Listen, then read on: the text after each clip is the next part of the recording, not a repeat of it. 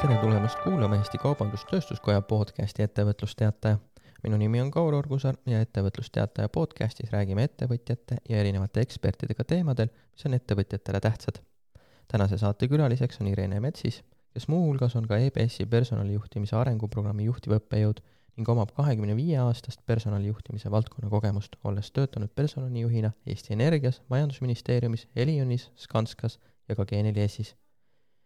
Irenega räägime tänase personalijuhi ja personalitöötaja muredest ning sellest, kuidas valida oma organisatsiooni sobivaid inimesi, et organisatsioon püsiks edukas ka tulevikus. head kuulamist! tere, Irene! tere! täna meil on Eestis igatepidi erakordsed olud. ühelt poolt on kriis, teiselt poolt on tööjõukriis ja siis on veel erinevaid äh, tegureid. kuidas on personalivaldkonnal õnnestunud äh, üldiselt toimetulek täna? Jah, need olud on üsna keerulised ja, ja eks me personalivaldkonnas oleme kõik sellistes uutes oludes ja üritame kohaneda sellega ja sellega hakkama saada. ja kui ma niimoodi hinnanguliselt kuulates ka oma selliseid kolleege ütleks, siis ma usun, et personali inimesed, personalijuhid on tegelikult selle olukorraga väga hästi hakkama saanud et kõik on hästi kiiresti kohanenud, kõik on leidnud uusi võimalusi ja, ja päris kiiresti astunud sellised sammud edasi, mis on viinud ka organisatsioone päris korralikult edasi. aga millised on täna personalijuhtide kõige suuremad väljakutsed? No eks väljakutse, võib-olla kui alustada nagu niipidi, et äh, esimene väljakutse kindlasti on see, et kuidas äh, värvata inimesi, et see on, see on kindlasti üks, et, et see värbamine on täna totaalselt äh, muutunud ja, ja siin on uued kompetentsid ja uued oskused ja uued teadmised, mida sa pead nagu rakendama. siis teine pool on see, et kui need inimesed seal juba organisatsioonis sees on, et kuidas sa nad sisse elatad, kuidas sa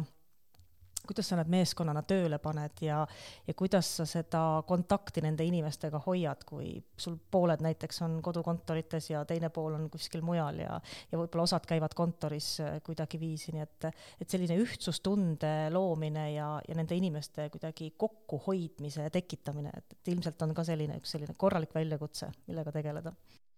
mainisid, et värbamine on muutunud, kuidas ta täpsemalt muutunud on? Ähm, ma arvan, et ta täna on muutunud võib-olla enamike ettevõtete jaoks rohkem selliseks veebipõhiseks. meil oli Eestis ikkagi väga palju selliseid eesrinnas olevaid organisatsioone, kes seda rakendasid juba mitu aastat tagasi väga edukalt ja, ja said sellega ilusti hakkama. siis täna on olnud selles olukorras, et veebi teel videokanalite kaudu värvata on, ma arvan, ilmselt väga suur osa organisatsioone, et ikkagi isegi ma arvan, et võib-olla enamik, et sest olud on lihtsalt sellised nii et äh, see on kindlasti selline, äh, ma arvan, korralik väljakutse ka nendele, kes seda enne teinud ei olnud. kuidas see veebi nii-öelda värbamine või nende kanalite kaudu värbamine välja näeb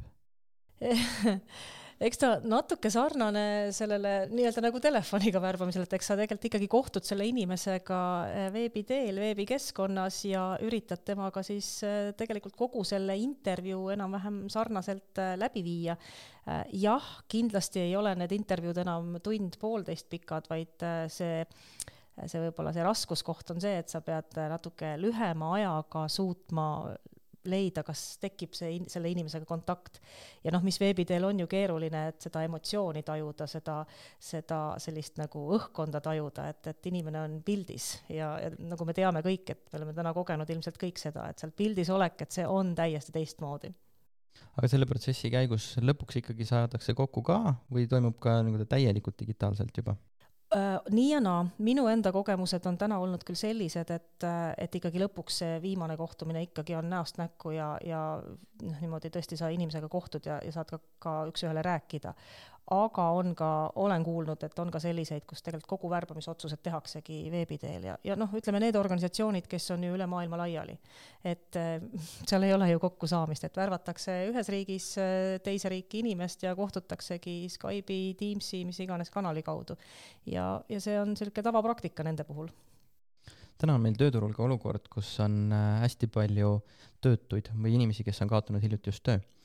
aga samas äh, organisatsioonidel on teistpidine mure, justkui tööjõudu ei ole.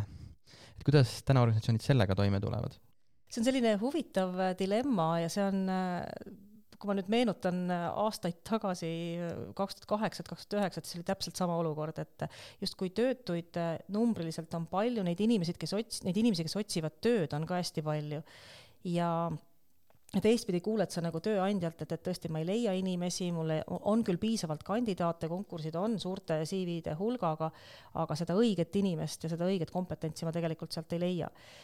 noh, ilmselt on äh, vajadused erinevad, et äh, see, need inimesed, kes on täna ilma tööta jäänud, äh, nendel on ilmselt ka valikuvõimalusi täna vähem, et, et sektorid, nad on, töötavad sarnastes sektorites, nii et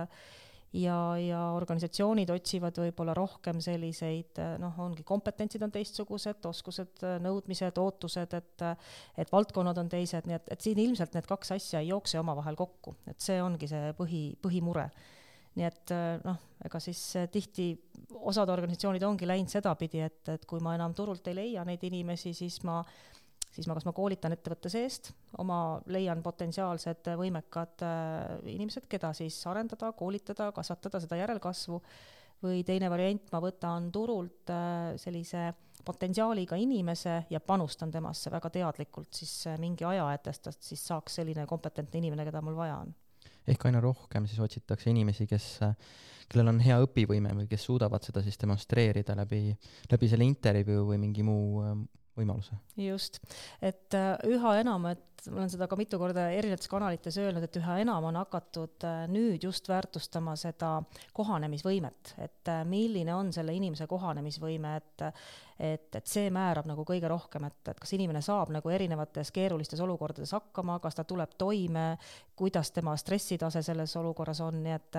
mida kõrgema ja suurema kohanemisvõimega sa oled, seda suurem on see tõenäosus, et sa tegelikult edukalt ka hakkama saad ja, ja sa kohaned nende oludega ja sa suudad õppida ja näha asju avatult, nii et et see on kindlasti tööandjate poole pealt täna asi, mida hinnatakse. Kas nüüd õppimise ja kohanemisvõime küsib ka vanust, et tihti on see, et kaotatakse töö ära ja siis tuleb see, et ma olen juba liiga vana pigem ma ütlen, et äh, ei ole see vanuses kinni, see sõltub inimese enda hoiakust ja, ja mis on nagu kurb, et äh, vot seesama just, mis sa nagu mainisid, et me vahel äh, ise tekitame endale selle, et aga ma olen liiga vana selleks. no tegelikult ei ole see üldse vanuses, et see sõltub inimese enda suhtumisest, hoiakust ja mul on nagu ääretult palju neid kogemusi, kus tõesti seitsekümmend pluss inimesed on valmis muutuma, õppima uusi asju, äh, kogema kõike uut ja tulevad kõige selle uuega rohkem veel kaasa kui võib-olla mõni, mõnikord kahekümnene, nii et ei ole sellel mitte mingit seost ei vanuse, ei soo ega mitte millegiga, et, et tegelikult kõik hakkab inimese enda sellisest äh, motivatsioonist ja, ja sellisest nagu hoiakust pihta tõid enne nii-öelda väljakutsena ka välja selle, et kuidas viia kokku meeskondi, kellest osa on võib-olla digitaalsetes kanalites, võib-olla ei kohtugi, peale värbamisprotsessi ei ole oma tiimi võib-olla reaalselt füüsiliselt näinudki, et kuidas see, kuidas selle väljakutsega täna toime tullakse või mis selleks tehakse, et neid tiime kokku sulatada? Jah, vot see nüüd on see keeruline, mida ma olen ka hästi palju kuulnud, et need inimesed, kes on tulnud nüüd koroona ajal tööle ja, ja said olla ühe päeva heal juhul kontoris ja siis tuli minna kodukontorisse ja, ja nüüd siis vaikselt niimoodi sulanduvad organisatsiooni, et ja nendel on äh, keerukas, nendel on raske ja, ja ma arvan, et see on olnud päris korralik väljakutse nendele töötajatele endile. ja kindlasti organisatsioonile ja juhile, et, et just nagu see pool, kui palju hoida kontakti, kuidas tekitada inimeses see tunne, et, et ma ikkagi olen selle organisatsiooni ja selle meeskonna liige. ja, ja kust läheb see piir, et juht ei koormaks nende kontaktidega üle, et, et kui ikkagi iga hommik on kokku lepitud selline veebikohtumine ja, ja sellel võib-olla mõnikord kaob ka niisugune mõttekus ära, siis et see tasakaalupunkti leidmine on hästi nagu raske et ei tekiks nii-öelda micromanagement'i. jah ja., just, just. aga samas sa pead nagu jälgima või kuidagi aru saama või tajuma, et, et kus, et, et ma nagu olen selle inimese toetamiseks ikkagi, et, et ma nagu päris teda üksi ei jäta. ja noh, muidugi hästi toredaid näiteid on nendel organisatsioonidel, kes, kes seda nagu rohkem kogevad, et neid näiteid on, kus tõesti nagu tehakse ühiseid üritusi eh, veebi teel ja ja, ja tõesti niisugused tiimi arutelud ja, ja niisama lihtsalt kohtumised, et me ei räägigi nagu tööasjast, vaid me räägime lihtsalt, et kuidas, kuidas kellelgi läks näiteks nädalavahetusel, et et need on olulised, aga siin tuleb arvestada inimeste eripäraga, sest osadele inimestele sobivad need ja, ja osad ütlevad, et aa, ma ei taha sellist nagu niisama toredat juttu, ma tahaks, räägime asjast, teeme selgeks ja lähme laiali, nii et et see on niisugune niisugune nagu keerukas koht ja siin peab olema ikkagi üsna hea psühholoog, et asjadest aru saada selle nii-öelda protsessi käigus, ka värbamise protsessi käigus tuleb leida alati kas just õige inimene või sobiv inimene sellele positsioonile. kuidas seda teha või miks see üldse tähtis on? jah, see, see no ei ole väga noh, tegelikult on ju pikka aega räägitud seda, et, et me värbame tihti ju äh, hoiakute ja suhtumiste järgi, et, et ma saan õpetada inimesele kõik kogemused, anda talle teadmised, oskused,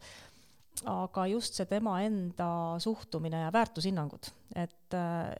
noh, mida aeg edasi, seda rohkem ikkagi äh, enamik tööandjaid täna värbab selliste väärtushinnangute järgi, et need väärtused peavad sobima, väärtused peavad sobima nende meeskonnaliikmetega, väärtused peavad kattuma nagu organisatsiooni väärtustega, et äh, see on, see on oluline. teiselt poolt vaadates nüüd nagu neid inimesi, kes kandideerivad, et nad tihti ka nagu ei saa aru, et millest siis räägitakse, sest ega keegi ei anna sulle ju tagasisidet, et, et, et sa ei sobinud meile sellepärast, et su väärtused ei sobinud meile, on ju, et et siin on nagu selline selline nagu jah, niisugune olukord, kus kus tööandja otsib väärtuste järgi, aga, aga kandideerija justkui väga täpselt ei saa aru, et mille pärast ta siis ei sobi, et mul justkui on kõik teadmised, oskused ju olemas, aga mind ei, mind ei valitud ja ma ei osutunud valituks kui intrigeerida, siis võiks öelda sedapidi, et me otsime ikkagi või mõni organisatsioon otsib, ma otsin inimest, kes teeks mulle kindlat tööjuppi. noh, vahet ei ole, mida ta teeb väljaspool tööd, eks ju, millist juttu ta räägib, peaasi, et ta teeb ära kella üheksast kella viieni ja kõik on hästi, et miks see väärtus üldse tähtis on? No sest ega inimesed ei, organisatsioonis ei ole ju üksi, et me ikkagi, meil on need meeskonnad ja, ja ükskõik millist tööd me ei tee, isegi kui see töö on, on väga selge, piiritletud ja, ja võib-olla üheksast viieni, eks ole, siis, siis ikkagi ma kuidagiviisi pean ju tundma ennast seal organisatsioonis hästi ja, ja ma tunnen siis hästi, kui meie väärtushinnangud nagu sobivad ja klapivad, et et see on oluline inimesele endale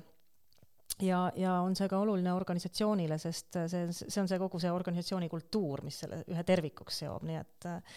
et ja noh, kõik need hoiakud, kuidas sa asjadesse suhtud, kuidas sa uuendustesse suhtud, kuidas sa,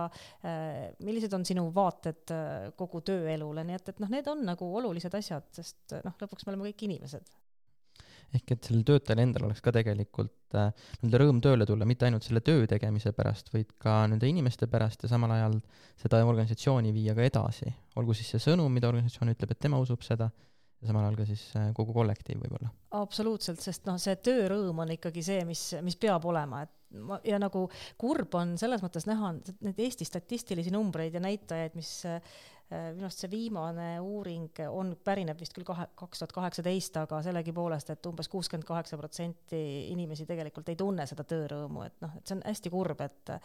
et et äh, ja ma arvan, et mida rohkem sa sobitud meeskonda, mida rohkem su, sa sobitud organisatsiooni, mida rohkem see töö kuidagi kõnetab sind ja, ja mida rohkem sa teed seda tööd, mis on mingisuguse missioonitunde või, või annab mingi väärtuse, tajud seda, siis seda, seda suurem on see nagu see võib-olla õnnetunne seda tööd tehes, nii et äh, kuigi jah, et äh, olen, olen pidanud neid diskussioone ka selliste ametite esindajatega, kes ütlevad, et, et noh, mis asja, ma teen oma töö ära ja, ja peaasi, et saab head palka ja ongi kõik hästi, nii et aga kuskil sisimas ma arvan, et iga inimene ikkagi tahab sellist, et ma, ma tunneks ennast hästi. Motivaatorid on erinevad, kellel on palk on. ja kellel on pigem see rõõm, eks ju, selles suhtes sealjuures, et just töörõõmu tundmisest veel siin ka laienduseks, et me räägime nüüd organisatsiooni poolt ja tihti vaadatakse, et noh, et organisatsioon peaks mulle seda pakkuma, aga tegelikult äh, kui me räägime värbamisest või töö otsimisest, see on ju kahepoolne, et see inimene peab äh, ka organisatsiooni valima, et mitte organisatsioon inimest. et äh, kuidas seda soodustada, et inimesed hakkaksid aina rohkem mõtlema selle peale, et ma valin ka organisatsiooni jah, see on äh, võib-olla see koht, kus äh, igaüks, kes on äh, võib-olla täna sellisel tööotsingul või võiks nagu enda jaoks nagu läbi mõelda, et mis on need olulised asjad, mida ma tegelikult otsin, et et noh, loomulikult see, mis tööd ma teha tahan, aga mis seal veel taustal on, et mida, mis minu jaoks veel on nagu oluline ja, ja noh, ilmselgelt ei ole see hea, hea mõte, et kandideerida nagu valimatult kõikidele kohtadele, et ja, ja natukene uurida selle ettevõtte tausta, nii palju, kui seda võimalik on ja ja üritada seda, seda nagu arusaamist tekitada iseendas, et et mida ma siis väärtustan ja, ja mille järgi ma siis selle, selle valiku teen, et et ega see, see ei ole lihtne, aga noh, ega elu näitab, et need inimesed, kes väga selgelt teavad, mis tööd nad tahavad teha või mis ja mis asjad, mis motivaatorid või, või mis nende elus üldse on oluline, siis äh, need inimesed äh, väga selgelt leiavad ka endale rohkem, suurema tõenäosusega sellise sobima töö. Kui me värbamise juurde juba korra tagasi tulime, et kas on mingeid tulevikutrende ka nüüd juba tekkimas, et me eelnevalt äh, võib-olla kuus kuud tagasi, üheksa kuud tagasi saime öelda, et kõik liigub digikanalitesse, me oleme sinna juba kohale jõudnud, aga kuhu nüüd edasi? Ja väga raske, seda on täna, ma arvan, et äh, isegi raskem ennustada kui kunagi varem, äh, küll aga ma sellegipoolest arvan ise, et need digikanalid kindlasti jäävad, äh, neid võetakse üha rohkem kasutusele, nendele harjutakse nendega rohkem, et täna see olukord on sundinud meid õppima neid ka rohkem kasutama ja me muutume aina nagu mugavamaks nende kasutamisel, et noh, need, need kanalid muutuvad meile ka nagu käepärasemaks. et kindlasti see jätkub aga kui vähegi see aeg võimaldab, siis ei, ilmselgelt ei kao üks-ühele näost näkku kohtumised mitte kuskile, see on, see lihtsalt on juba inimloomuses, mis võib-olla vähenevad, kui hästi levinud olid ikkagi sellised ka grupi intervjuud ja grupitööd, et võib-olla olukorrast tingitult neid tehakse vähem ja, ja võib-olla neid hakatakse rohkem tegema ka täna veebis, et ma tean organisatsioone, kes seda teevad, et sa võtadki nagu mitu inimest sinna veebikeskkonda ja teed neid nii-öelda erinevaid töötubasid, et seda võib-olla hakatakse rohkem kasutama. nii et noh, need on kindlasti need sellised praktilised või siuksed nagu hästi käegakatsutavad asjad. aga tõesti oleks äh, hiromant, kui oskaks öelda, mis meid ees ootab. kuidas äh, organisatsioonid tulevad sellega toime, kui see kohanemisvõime on olemas, aga nad ei ole veel valmis ka selleks, mis nende enda sees toimub, et see töökoht, millele võib-olla täna on inimene olemas, aga homme ta muutub kardinaalselt teiseks, et me võime rääkida võib-olla noh, näitena just kriisiajast välja võttes, et võib-olla assistentide rollid kadusid, läksid väiksemaks, sellepärast et enam külalisi majja sisse ei tulnud, et kuidas tullakse toime just sellega, kus see inimene tegelikult on vajalik, aga tema tööd ei ole kas äh, on ka mingeid näiteid, kuidas organisatsioonid sellega on hästi hakkama saanud? jah, see on nüüd see koht, kus äh, me peaks, organisatsioonid peaks nagu ka ise paindlikumaks muutuma ja vaatama korra võib-olla natukene struktureeritumalt või või niimoodi süsteemsemalt need asjad üle, et mis, ja mõtlema võib-olla paar sammu ette, et millised ametikohad hakkavad muutuma ja, ja kuidas me need inimesed siis ümber paigutame või, või kuidas me siis kombineerime näiteks kaks ametit ühte, et et üsna palju, noh, kuna meil Eestis neid selliseid ülisuuri ettevõtteid on vähe, et aga sellised keskmised organisatsioonid ikkagi väga paljuski mõtlevad selle peale, et, et üks inimene teeb ära tegelikult mitme inimese töö ja kui sealt mõni lõik lihtsalt ära kaob, siis, siis leitakse noh, uued asendused juurde, sest et elu, elu nii palju nagu muutub. aga see paindlikkus, ma arvan, et on üks selline selline võti, et vaadata, et kas need asjad, mis me täna siiamaani tegime, kas need nagu toimivad tulevikus või mitte, et mõelda natukene ette, et see on, see on väga raske jällegi, et, et kuidagi see, mis me oleme üles ehitanud, et sa pead sedasama asja hakkama nüüd kuidagi, ma ei taha öelda lõhkuma, aga võib-olla nagu äh, arendama ja uuendama ja võib-olla tegema nagu teistsuguseks, nii et et, et see võib olla küll ka soovitus kõikidele organisatsioonidele, et, et mõelda natukene, et äh, mis need äh, meie tegevused täna on, mida me peaks nagu teistmoodi nüüd hakkama tegema. sealt võib leida kindlasti ka mõne meetodi, kuidas muuta organisatsiooni efektiivsemaks. absoluutselt, et, et noh, needsamad küsimused, et miks me mingeid asju niimoodi teeme, et kas need asjad, kas, kas need tegevused, mida me siiamaani tegeme, tegime, viivad meid nüüd edasi, kas tänases olukorras neid tegevusi, mis meil olid, kas need meid kuidagi aitavad, et äh, raudselt siit ma usun, et tuleb ka seda efektiivsuse poolt, aga see julgus äh, võtta neid asju ette ja, ja mitte võib-olla lihtsalt tükk tüki haaval, vaid natuke süsteemsemalt. tulles tagasi värbamise juurde ja võib-olla värbavate juhtide juurde, kes täna otsivad inimesi, et on sul mõni soovitus neile äkki, et kuidas leida kas siis läbi digikanalite inimest, kes äh, tõesti sulle nende väärtustega sobib, kes suhtumiselt on hea aga võib-olla seda digikanalist ei ole nagu nii hästi näha, kuidas seda tabada või seda sära silma näha? jah, mina usun sellesse, et kui sa lased inimesel jutustada lugusid, et see, see lugude jutustamine ja lugude rääkimine on, on selline teemavaldkond ja ma arvan, et ka värbamises toimib see päris hästi, et et ei ole, ei ole oluline nii mitte küsida küsimusi ja intervjueerida, vaid kuivõrd see, et, et Äh, vestle selle inimesega ja lase tal rääkida neid lugusid, mida ta, mida ta oma elus on kogenud ja võib-olla natukene suunata sellist tulevikku, et mis on need asjad, mis teda siis nagu kõnetavad ja käivitavad, nii et et saada see emotsioon sealt kätte, sest et inimene avab ennast ikkagi läbi selliste tema enda isiklike lugude ja kogemuste rääkimise, nii et ja võib-olla siit äh, oskus kuulata et, et, et saada nagu kätte, et mitte, mitte lihtsalt küsida, nii nagu, nagu, nagu me armastame teha, et, et paneme küsimused ritta ja muudkui küsime, aga oskus ikkagi kuulata ja, ja selle vastuse pealt siis äh, üritada aru saada see, et mis seal inimese sees ikkagi on ja, ja kes ta selline on, nii et äh, ja ma olen nagu nõus, et ühe korraga seda ei saagi, et, et, et selleks ilmselt on vaja võib-olla mitu korda kohtuda, kaks korda kohtuda, nii et, et nii ta on et rõhku panna rohkem nii-öelda puhtale kommunikatsioonile, kus sa mitte enam ei hinda võib-olla tema oskust lõpuni välja teha mingit kindlat töölõiku, vaid seda, kuidas ta mõtleb, kuidas ta tegutseb, kuidas ta oleks valmis ka kohanema, kui see töölõik kas kaob ära või, või muutub täielikult. absoluutselt, et noh, kui sa, kui sa enda jaoks enam-vähem tead, mida, keda sa otsid, et olu- ja oluline ongi nagu see, et, et mõelda läbi, et millist inimest ma otsin, et, et ühe, üks asi ongi need oskused, teadmised ja kogemused, mida on CV-s ilusti nagu näha aga teine pool on ikkagi see, et äh, millist tüpaaži, millist persooni, äh, mis on selle inimese roll sinu jaoks ka nagu meeskonnas, meeskonna liikmena. et, äh, et, et kus sa seda, kus sa seda sünergiat nagu, et kuhu see, kuidas see inimene sinna meeskonda paigutub, et kust see sünergia koht tekib, et et proovida leida kõigepealt enda jaoks need kohad, et mil-, millist inimest sa otsid ja siis selle vastu ikkagi proovida aru saada, et, et kas see on see inimene, et kas see on see nagu inimtüüp, keda, keda ma enda meeskonda vajan ja kes sinna kõige paremini sisse elab ja kes kõige suurema väärtuse loob. kui rääkida organisatsioonidest ja personalijuhtidest, et mida sa neile soovitaksid tuleviku võtmes?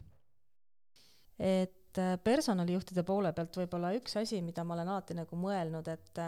et me peaks äh, ise ka mõtlema kogu aeg nagu kaks sammu ette, et vaatama seda tuleviku poolt ja, ja täna on ju võimalik äh, lugeda, uurida, saada informatsiooni ja materjale, mis mujal maailmas toimub ja millised on need praktikad, et, et ikkagi hästi palju. ja sünteesida sealt välja selline parim praktika just nagu oma organisatsiooni jaoks, et puudutab see siis nii värbamist äh,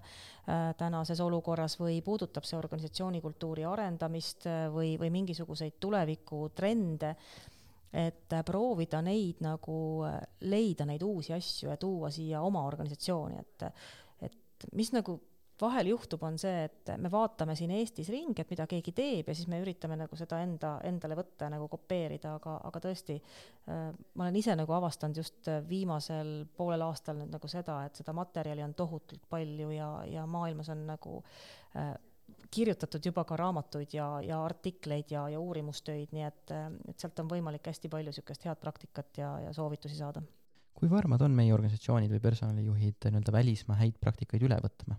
ja võib-olla mitte liiga varmad ja, ja ega kui ma mõtlen iseennast ka tagasi organisatsioonidesse, et äh, ja see kuidagi on kauge ja see kuidagi on selline,